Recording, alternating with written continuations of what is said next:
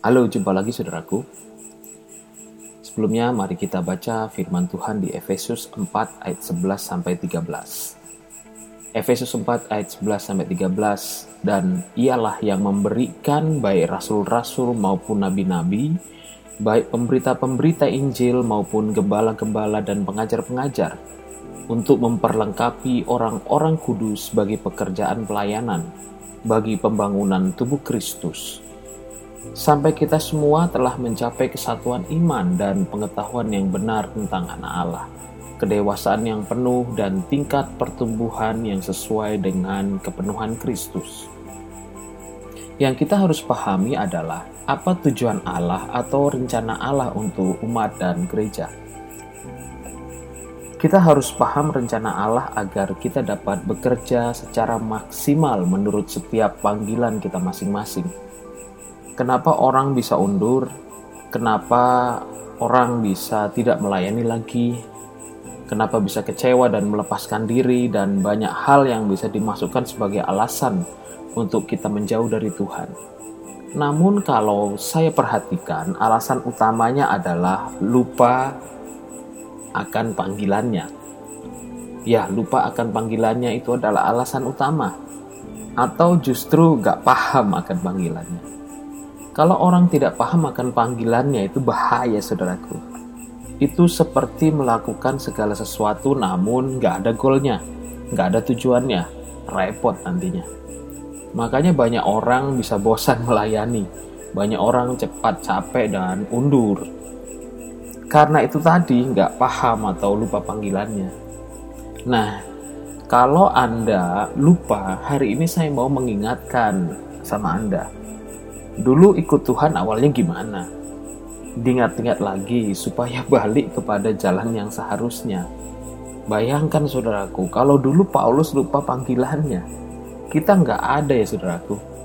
Tiba-tiba saja Paulus undur begitu. Gawat banget itu. Bagaimana jika saudara itu penginjil? Berapa orang yang harus menerima kabar keselamatan yang harusnya dari pemberitaan firman dalam pelayanan Anda jadi gak bisa dengar kabar dan tertunda gitu. Saya paham Allah bisa pakai siapa saja. Namun mari kita coba lihat dari sudut pandang hidup kita sebagai anak Tuhan yang dipanggil dengan fungsi dan tugas kita masing-masing. Apakah kita tidak merasa rugi? Nah, jika ada yang tidak paham maksud Allah memanggil kita, hari ini saya beritahu.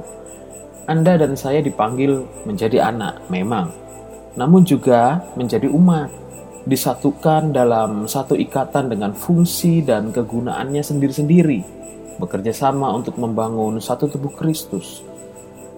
Adakah satu tubuh tidak bekerja sama antara masing-masing anggotanya? Tidak mungkin. Adakah satu tubuh saling mendengki antara sesama anggota yang lainnya? Tidak mungkin juga. Adakah satu tubuh undur sementara yang lain bekerja? Bisa jadi kalau sakit, berarti tubuh gak sehat. Kalau tubuh gak sehat, kerjanya gak bisa maksimal dong. Pembangunan tubuh Kristus menjadi terhambat. 12 rasul kurang satu aja harus ada penggantinya. Mengapa? Karena fungsi. Tubuh tidak akan bekerja dengan baik jika kehilangan salah satu fungsinya.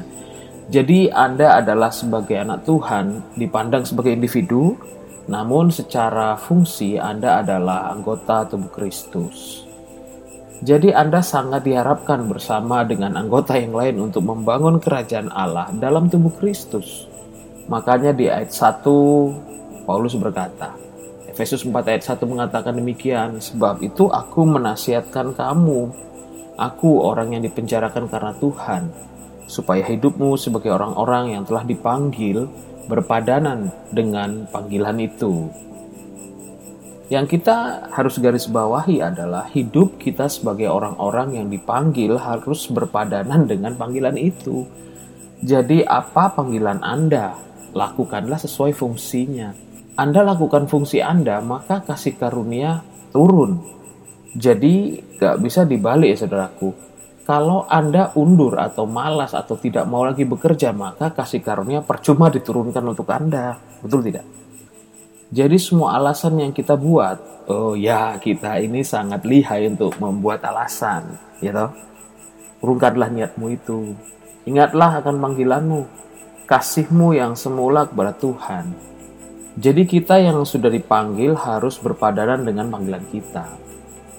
Artinya mengerjakan panggilan kita. Kalau Anda tinggal di rumah saya, nggak mungkin Anda terus tidur-tiduran sepanjang hari, santai, malas-malasan Nggak bisa, saudaraku. Setiap kita harus melakukan fungsinya supaya berguna bagi kerajaan Allah. Mari kita lanjutkan. Efesus 4 ayat 11 sampai 12 mengatakan dan ialah yang memberikan baik rasul-rasul maupun nabi-nabi, baik pemberita-pemberita Injil maupun gembala-gembala dan pengajar-pengajar untuk memperlengkapi orang-orang kudus bagi pekerjaan pelayanan bagi pembangunan tubuh Kristus. Ya, kita ini diperlengkapi bagi pekerjaan-pekerjaan pelayanan dan pembangunan tubuh Kristus tentunya. Kalau Anda bekerja di tambang, maka Anda diberikan perlengkapan untuk menunjang pekerjaan tambang. Kalau Anda sebagai tenaga kesehatan, maka Anda akan diberikan perlengkapan tenaga kesehatan.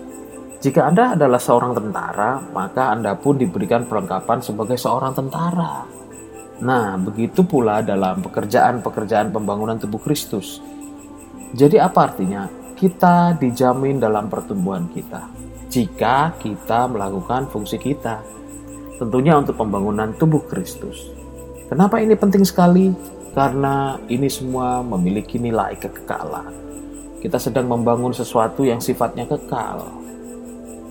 Nah, kemudian apa yang diharapkan setelah kita diperlengkapi Efesus 4 ayat 13 mengatakan sampai kita semua telah mencapai kesatuan iman dan pengetahuan yang benar tentang anak Allah, dewasaan penuh dan tingkat pertumbuhan yang sesuai dengan kepenuhan Kristus.